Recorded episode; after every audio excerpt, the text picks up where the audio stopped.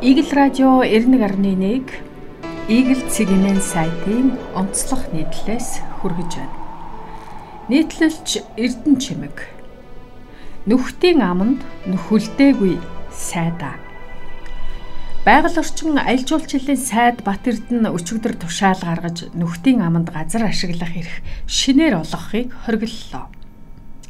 Тэрээр энэ талаар өөрийн цахим хуудаснаа мэдээлсэн бөгөөд Богдхан уулын дархан цаазд газрын хязгаарлалтын бүсийн зарим хэсэгт газар ашиглалтын хит төвлөрөл үүсэж холбогдох хууль дүрм журам зөрчигдөж ашиглалтын нөөц даац хэтэрсэн байгалийн нөөцийн дороотолд орох амтан ургамлын нөмрөгт сөргөөр нөлөөлөх нөхцөл байдал тулгарч байгаатай холбогдуулан богдхан уулын дархан цаазд газрын нүхтийн аманд газар ашиглах эрх шинээр олгохыг хориглолоо хэмээлээ. Сошиалаар ажиллаа хийдэг сайд Бат Эрдэнэ нүхтийн аманд байрлах зэрлэг амьтдад аюул нүүрлээд байгааг Twitter, Facebook-ээс анзаарсан бололтой. Ямар ч байсан ийм нэгэн ухаалаг шийдвэр гаргав. Гэхдээ Бат Эрдэнэ сайд анх удаа энэ талаар шийдвэр гаргасан юм биш. Сайд бүхэн нүхтийн аманд газар олгохыг хориглосон тушаал гаргаж байсан гэхэд болно. Үе үеийн сайд нар нүхтийн аманд газар олгуулахгүй шийдвэр гаргаж ирсэн ч үр дүнд нь Бат Эрдэнэ сайдаас өмнө нь түүний өмнөх сайд урт насан хориглох шийдвэрийг гаргаж байлаа. Тодруулбал байгаль орчин аялал жуулчлалын сайдын А361 А362 тоо тушаалаар газрын нэгдмэл сангийн удирдлагын цахим системийг хэрэглээнд нэвтрүүлэх тухай Монгол Улсын засгийн газрын 2020 оны 110 дугаар тогтоол газар ашиглалтын төлөвлөлт хийх хөлийн цэсийн асуудлыг эцэслэн шийдвэрлэхтэй холбогдуулан Богдхан уулын дархан цаазад газар горих тэрэлжийн байгалийн зохицолбор газарт шинээр газар ашиглах эрх олгохыг 2021 оны 11-р сарын 1-ний өдрөөс 2022 оны 4-р сарын 1-ний өдөр хүртэл хориглож байлаа.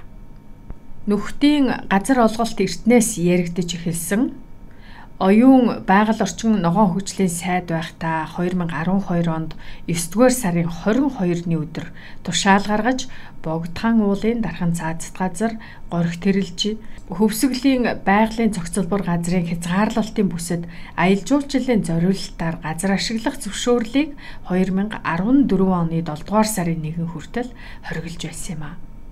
Энэ үед л Богдхан уулын зайсан арцат нүхтийн амны газар байшин барилгаар дүүрч хөрсөн нэвдэрч зарим ургамал нь устж үгүй болох тухай яриа эхэлсэн байдгийг.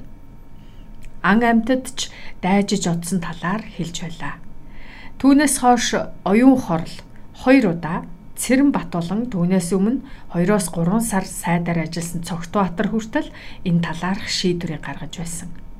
Гэтэл хоригдсан энэ олон шийдвэрийн дүнд нүхтийн аманд жорлонгийн нүхний газарч үлдсэнгүй.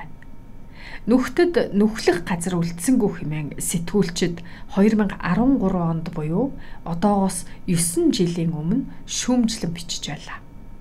Хэрв үе үеийн сайдуудын шийдвэр баячуудын өмнө сөхрөөгүйсэн бол байдал иймдээ тулахгүй л байсан биз.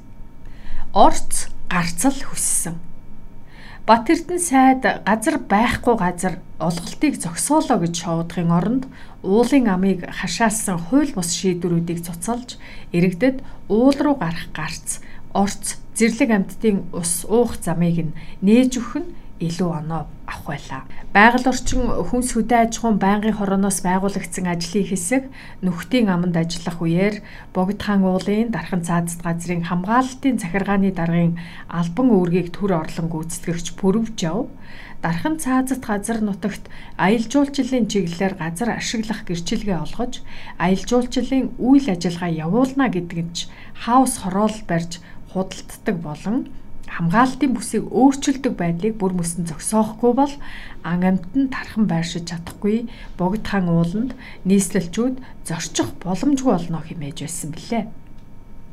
Энэ амандах газрын хууль бус бизнес, замбраагүй барилгажилт, зам гарц нийтийн эзэмшлийн зам талбайг хааж боосныг нь шийдэж чадвал нэгэн адил шийдвэр гаргасан сайднараас ялгарах байсан биз.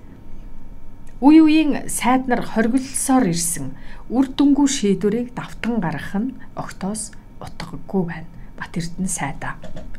Эцэст нь сануулхад шудраг өрсөлдөөн хэрэглэгчийн төлөө газар бол поп стилээр ажиллах боломжтой газар. Үе үеийн дарга нар нь ч иймэрхүү стилээр ажилласан. Гэхдээ та одоо энэ газрын дарга бус салбарыг хариуцсан сайдаар ажиллаж байгаа гэдгээ санахад илүүтэхгүй зэ.